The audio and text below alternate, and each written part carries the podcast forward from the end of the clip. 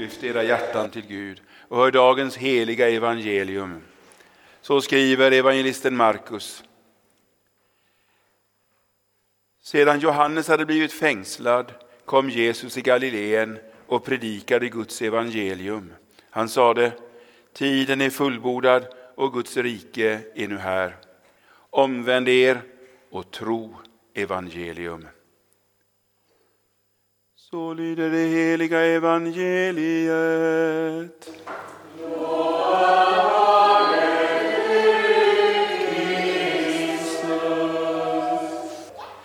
I Faderns och Sonens och den helige Andes namn. I detta korta evangelium som vi har läst idag så finns det ett ord som kommer tillbaka två gånger.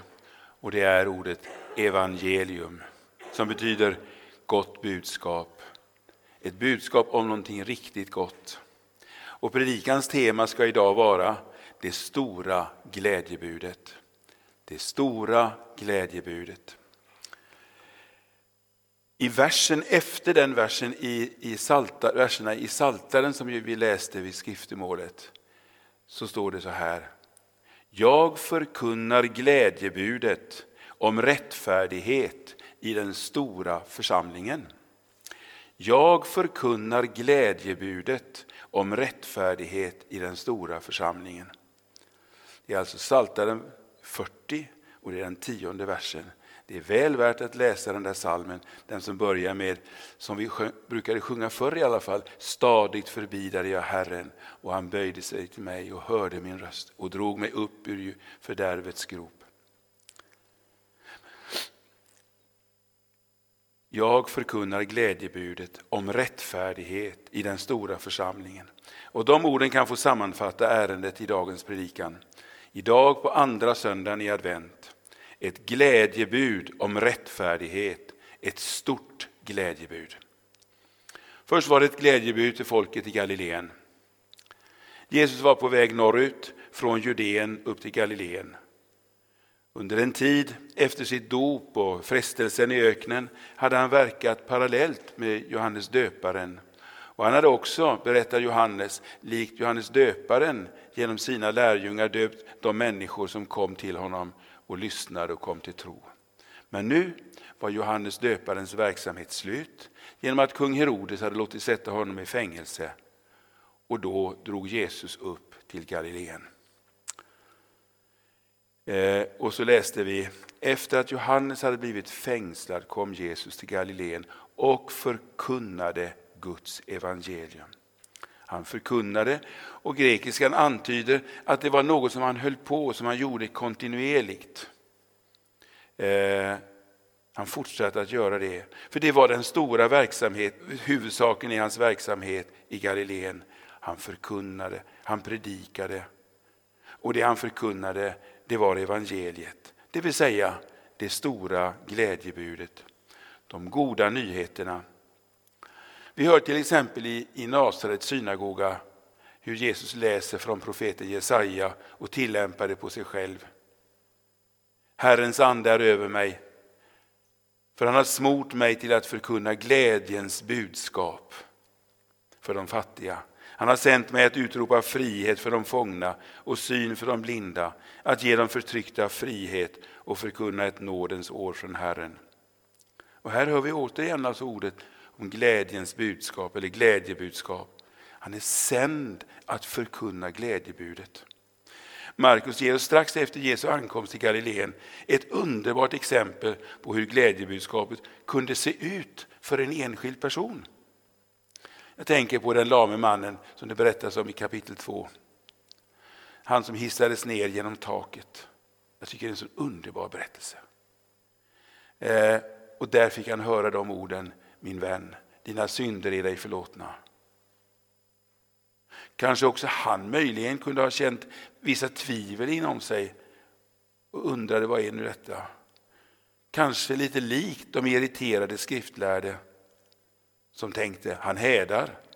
Vem kan förlåta synder utom Gud? Och så gav Jesus den lame, liksom alla de andra, ett väldigt tydligt tecken för att ni ska veta att Människosonen har makt här på jorden att förlåta synder. Och så vände han sig till den lame. Så, ta din säng och gå. Och han som legat förlamad så länge, kanske hela livet, kunde resa sig, ja hoppa upp och inte bara gå omkring stapplande. Han hoppade och lovprisade Gud, står det på ett ställe.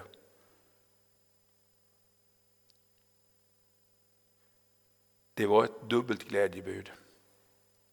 Syndernas förlåtelse och en försmak av det eviga livet. För där ska vi få vara befriade från handikapp, sjukdom, lidande och all, all nöd. Glädjebudet, det är detta. Dina synder är förlåtna och det öppnar dörren till det eviga livet. Uttryckt på ett annat sätt. Guds förlåtelse innebär en fullkomlig rättfärdighet. Om du har tagit emot syndernas förlåtelse för dina synder så är du i Guds ögon rättfärdig. Fullkomligt rättfärdig. Och när du kommer i domen på den stora dagen, för den måste vi gå igenom allihopa, så är du också där fullkomligt rättfärdig, klädd i Jesu rättfärdighet. Den rättfärdighet som Jesus vann på Golgata till frihet från syndens skuld, frihet från dom, fri från dödens udd och herravälde. Det här var nu ett budskap för den stora församlingen. Så stod det ju där hos, i salmen 40. Här i Galileen samlade Jesus stora skaror. Långt ifrån alla tog på fullt allvar emot hans budskap. De var upptagna av livet på jorden, av bättre villkor här, frihet från romarna och så vidare.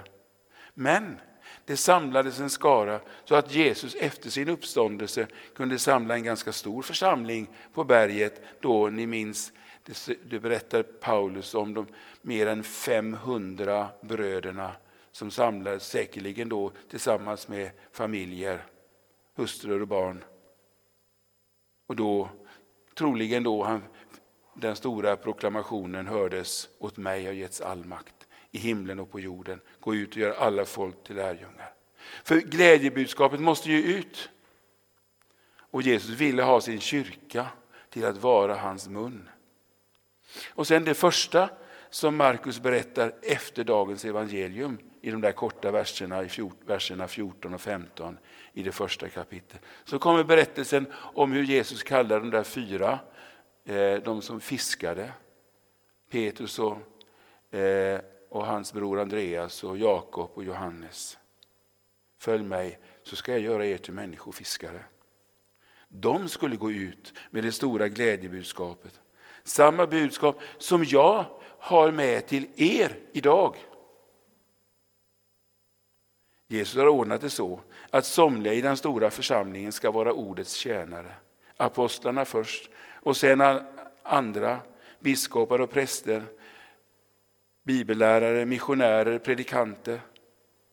Men också varje kristen, var och en på sin plats, har ett uppdrag att vittna om sin Herres glädjebud. Vidare på väg till Jerusalem. Ursäkta.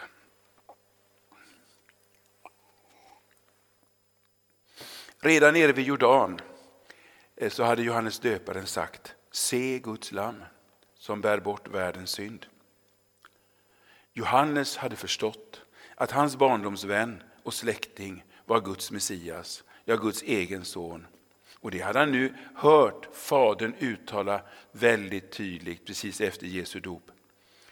Sen hade han hört Jesus säga, när han själv var tveksam till att döpa honom, honom som inte behövde någon förlåtelse. Han sa, låt det ske nu. För så ska vi uppfylla all rättfärdighet. Och Johannes förstår, Jesus tar nu på sig vår synd. Han döps in i den och blir ett med den.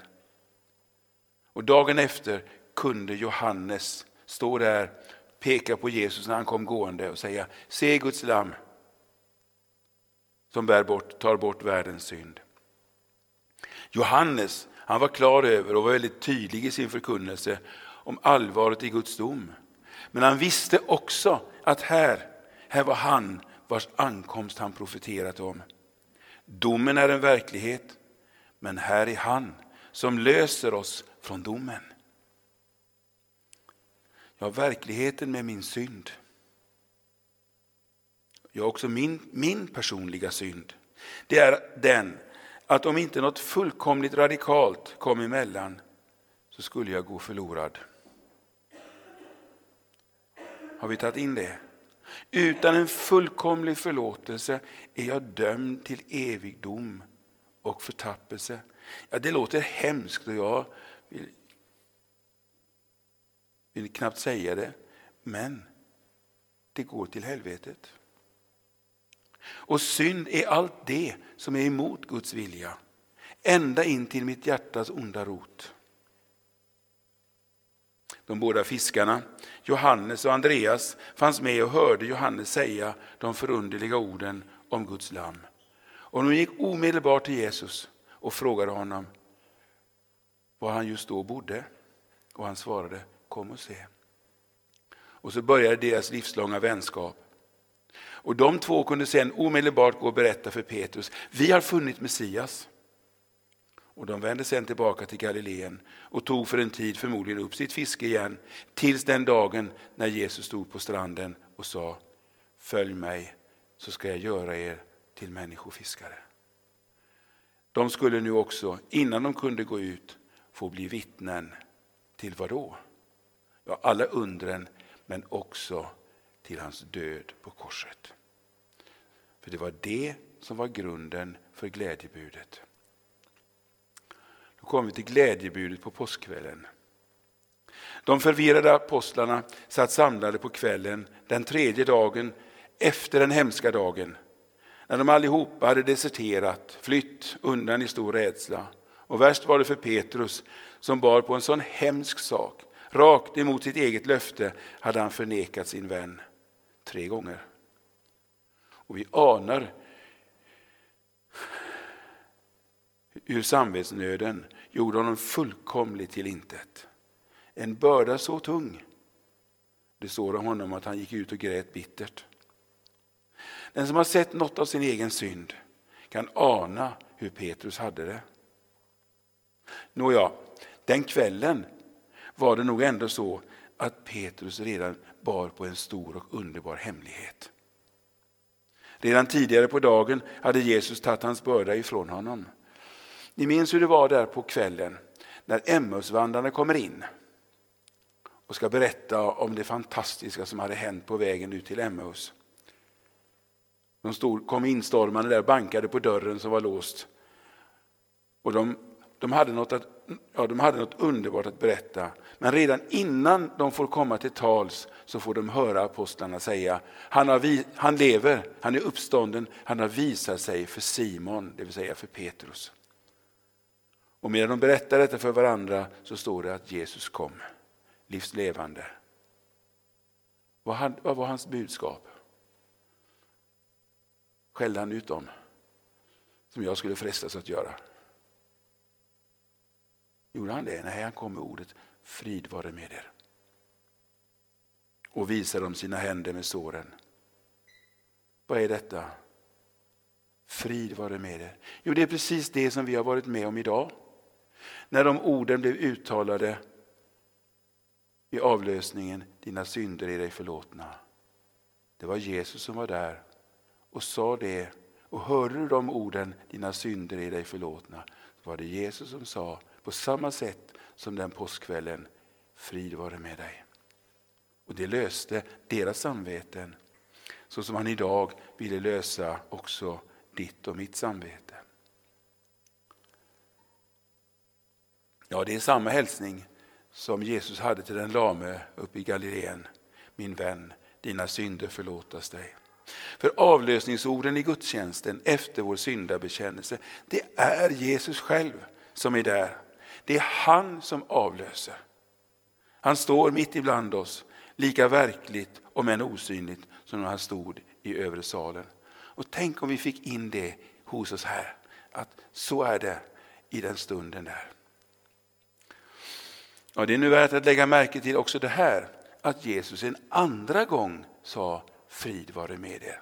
Och var inte bara en gång, utan två gånger. Och så tillade han, så som Fadern har sänt mig, så sänder jag er.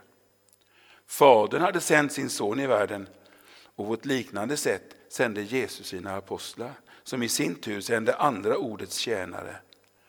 Och ärendet är vad då? Jo, det är glädjebudet. Det glada budskapet om frid. Frid med Gud i kraft av Jesus sår, hans lidande på korset. Och Den frid som gör att jag med frimodighet nu kan börja en ny vecka. Det är fullt av jobb, mycket förberedelser. Somliga är jättebekymrade för hur det ska gå med julklappar och julmat och annat. Frid vare med dig. Jag är med dig. Jag ska hjälpa dig. Men det är också den frid som gör att jag kan vara trygg inför mitt uppbrott från världen och frimodigt möta domen. Det stod alltså där, jag förkunnar glädjebudet om rättfärdighet i den stora församlingen. Genom sina apostlar förkunnar Jesus glädjebudet om rättfärdighet ut över hela jorden. Och det kommer att pågå ända tills han kommer tillbaka. Det glada budskapet ska förkunnas över hela jorden innan han kommer. Vi är nog nära den punkt där man kan säga att det i alla länder på jorden har blivit predikat om Jesus. Det finns många människor som inte har hört, men det har hörts, jag skulle nog våga säga, i alla länder. Också i det hårdast drabbade och stängda landet av alla i världen, nämligen Nordkorea. Nu till sist, ens sammanfattningen. Vi har idag läst hur Markus drog samman evangeliet i fyra korta satser. Han sa så här, som en sammanfattning av, det, av Jesu ärende i Galileen. Tiden är inne, Guds rike är nära, omvänd er och tro evangeliet. De fyra. Tiden är fullbordad. Nu hade alla profeter haft sin tid, alla som hade förutsagt och pekat framåt mot Messias. Och Johannes, som nu satt i fängelse, var den siste. Och hans verksamhet hade nått sitt slut. Och nu var tiden inne. Nu är tiden fullbordad. Allt vad profeten har förutsagt, det sker nu. Nu var Guds son här, den utlovade. Nu går allt vad profeter har utlovat mot sin uppfyllelse. För nu har Herren Jesus kommit. Det fanns på Jesu tid en stor och utbredd förväntan. Många hade vidlyftiga förväntningar om befrielse från romarna, om hämnd på alla förtryckare. Man drömde om ett jordiskt paradis, ett messiasrike, där judarna skulle regera i världen. En värld befriad från sjukdom och lidande. Jesus lät människor förstå att han inte var en sån Messias. Han hade i beredskap ett annat rike vars, eh, i vars förlängning i sinom tid det skulle bli det fullkomliga paradiset. Men nu är han här för att proklamera rikets ankomst. Alltså inte ett jordiskt lyckorike, utan Guds rike. Guds osynliga rike, här och nu. Guds kungarike, som vid Sonens ankomst i härlighet ska bli något som går helt utöver allt vad vi kan tänka och föreställa oss. Guds rike är nära, sa Jesus. Det kunde kanske också översättas med att Guds rike är i, i antågande eller på färde. För Guds rike är överallt där Jesus får vara kung. Där han får råda, där han får inta människors hjärtan, där är Guds rike. Där hans kärlek får uppfylla människors sinnen för så att de själva får frid. Och sen att de sprider kärleken i sina hem, i församlingarna, ut bland människor i sin omgivning. Där och då har Guds rike kommit. Då finns det i ditt hem, ja, och då finns det här i vår församling. Och det tror vi. Här är Guds rike. För Jesus är här. Och när vi idag kommer till nattvardsbordet och till nattvardens instiftelseord, lägg märke till vad Jesus säger. Denna kalk är det nya förbundet i mitt blod som blir utgjutet för många till syndernas förlåtelse. Då är Guds rike där och då är prästens läppar bara bärare av Jesu egna ord. Osynligt är Guds son här och Guds rike är här. När Guds rike kommer hur tar vi det till oss? Markus sammanfattar Jesus svar, omvänd er och tro evangelium. Ordet omvända är översättning av ett grekiskt ord som betyder ungefär göra sinnesändring eller ändra, ändra ditt sinne. Det vill säga ändra ditt sinne till att tänka helt annorlunda om dig själv. Till att tänka Guds tankar om dig. Och vad tänker han? Ja, det har ju varit, blivit ändå ganska tydligt idag, tror jag. Han, att du behöver förlåtelse. Och jag. En hel och full förlåtelse. Just det som Jesus hade kommit för att vinna genom sin död. Han känner mitt hjärta, han känner ditt hjärta.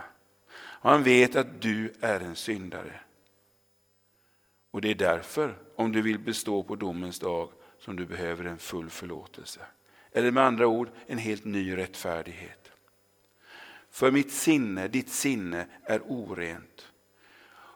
Och vi bär inom oss en ond och upprorisk ande i våra hjärtan. Där längst inne vill du gå din egen väg. Du vill slippa Gud och få göra som du vill själv. Hur vinner jag den nya rättfärdigheten? Den som jag måste ha. Jesus visar det är mycket tydligt, till exempel genom liknelsen om farisén och publikanen i templet. Glöm aldrig den berättelsen. Om tullmannen, eller farise, eh, publikanen som vi kallar honom också, eh, och farisén som båda gick till templet för att be. Det står om tullmannen att han i sorg över sig själv slog sig för sitt bröst, kanske nästan oupphörligt under en lång stund och sa Gud, misskunda dig över mig syndare. Alltså, Gud förbarma dig över mig, förlåt mig min synd, min stora synd. Vad sa Jesus om honom? Vad sa han? Han sa att denne gick hem rättfärdig till skillnad från den andre. Han som tyckte att han hade så stor anledning att tacka Gud för att han inte var som andra och inte heller som den där publikanen eller tullmannen. Han var så god och from och gjorde allt möjligt gott. Men Jesus säger att tullmannen gick hem rättfärdig. Skildring av rövaren på korset, välbekant, är också mycket tydlig. Han sa, vi lider vad våra gärningar är värda, men denna har inget ont gjort. Jesus, tänk på mig när du kommer i ditt rike. In i himlen kommer bara den rättfärdige. Men genom att vända sig till Jesus i sin nöd så var han förklarad rättfärdig och fick löfte om att vara med i paradiset redan samma dag. Det är en uppfyllelse av profetian som finns där i, i dagens gammaltestamentliga text från profeten Joel. Och det ska ske att var och en som åkallar Herrens namn ska bli frälst. Och det gäller mig också och det gäller dig också. Men så tillägger Jesus ytterligare en sak, och tro på evangelium. I en vid mening betyder ordet evangelium hela budskapet om Kristi ankomst i världen för vår frälsnings skull. Med allt det som Jesus sa, allt det han gjorde av tecken och under och sen inte minst hans lidande, hans död, och hans uppståndelse och hans himmelsfärd till liv för var och en som tror. I en snävare mening betyder det just det som Jesus sa till den lame mannen, dina synder är dig förlåtna. Där är evangeliet. Dina synder är dig förlåtna. För om och är mina synder förlåtna så har jag del i Guds rike. Jag är en arvinge till riket som är berett åt oss redan från världens begynnelse som vi hörde om på domsöndagen. Jag är ett Guds barn som ska ärva. Nu vill jag sluta den här predikan med att få säga till var och en som har kommit till Jesus med sina synder. För det är det som är själva tron. Alltså jag har kommit till Jesus som jag är med min synd och min orenhet, men jag har kommit till honom. Då är jag ren i kraft av Jesu blod. Och då är jag inne i Guds rike. Och om detta stora privilegium skriver Hebreerbrevet eh, i det tolfte kapitlet följande fantastiska verser. Lyssna noga. Står i verserna 22 till 24, Hebreerbrevet 12. Nej, ni har kommit till Sions berg och den levande Gudens stad, det himmelska Jerusalem, till änglar i mångtusental, till en festgemenskap och församling av förstfödda som har sina namn skrivna i himlen. Till Gud som är allas domare och till andarna av rättfärdiga som nått fullkomningen. Ni har kommit till det nya förbundets medlare, Jesus och det renande blodet som talar starkare än Abels blod. Detta är ett ord till varje kristen här och nu. Och Hebreerbrevets författare skriver det till kristna människor som var, stod i fara att avfalla och han ville påminna dem vilket enormt privilegium de befann sig inne i. Att de inte skulle tappa det. Det gäller nu, det som vi har läst här. Du som tror på Jesus, du är redan här och nu på Sions berg. Du är där. Du är i det himmelska Jerusalem här och nu. Du är omgiven av tusentals änglar som tjänar Gud för din räkning och för det dinas räkning. Fullt av änglar. För du är i Guds rike. Du tillhör en stor festgemenskap, står det. Det vill säga Guds församling på jorden. Och du tillhör de förstfödda. Det vill säga de som tillsammans med Jesus, den förstfödde från de döda, som ska få uppstå på samma sätt som han. Du har ditt namn i himlen, skrivet där. Och Gud som är din domare ska uttala fridomen på den stora dagen. Redan här och nu är du i gemenskap med alla de som före dig har gått hem. De kallas här för andarna av rättfärdiga som nått fullkomningen. När vi idag böjer knä här och firar nattvard, ni böjer knä där och, och Niklas och jag böjer knä här, så gör vi det i gemenskap med de som före oss har delat nattvardsgemenskapen och trodde på Jesus.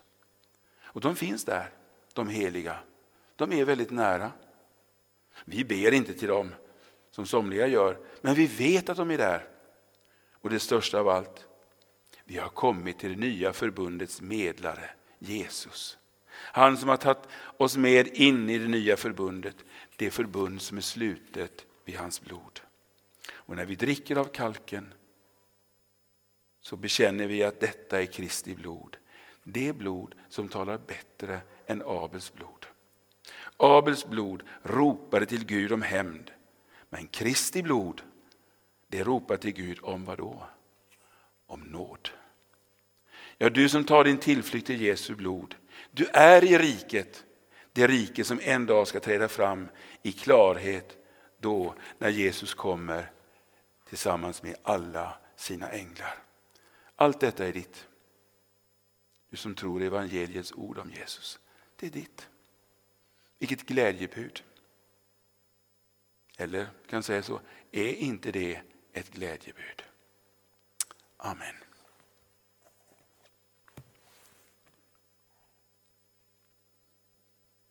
Ära vare Fadern och Sonen och den heliga Ande, så som det var av begynnelsen, nu är och skall vara, från evighet till evighet. Amen.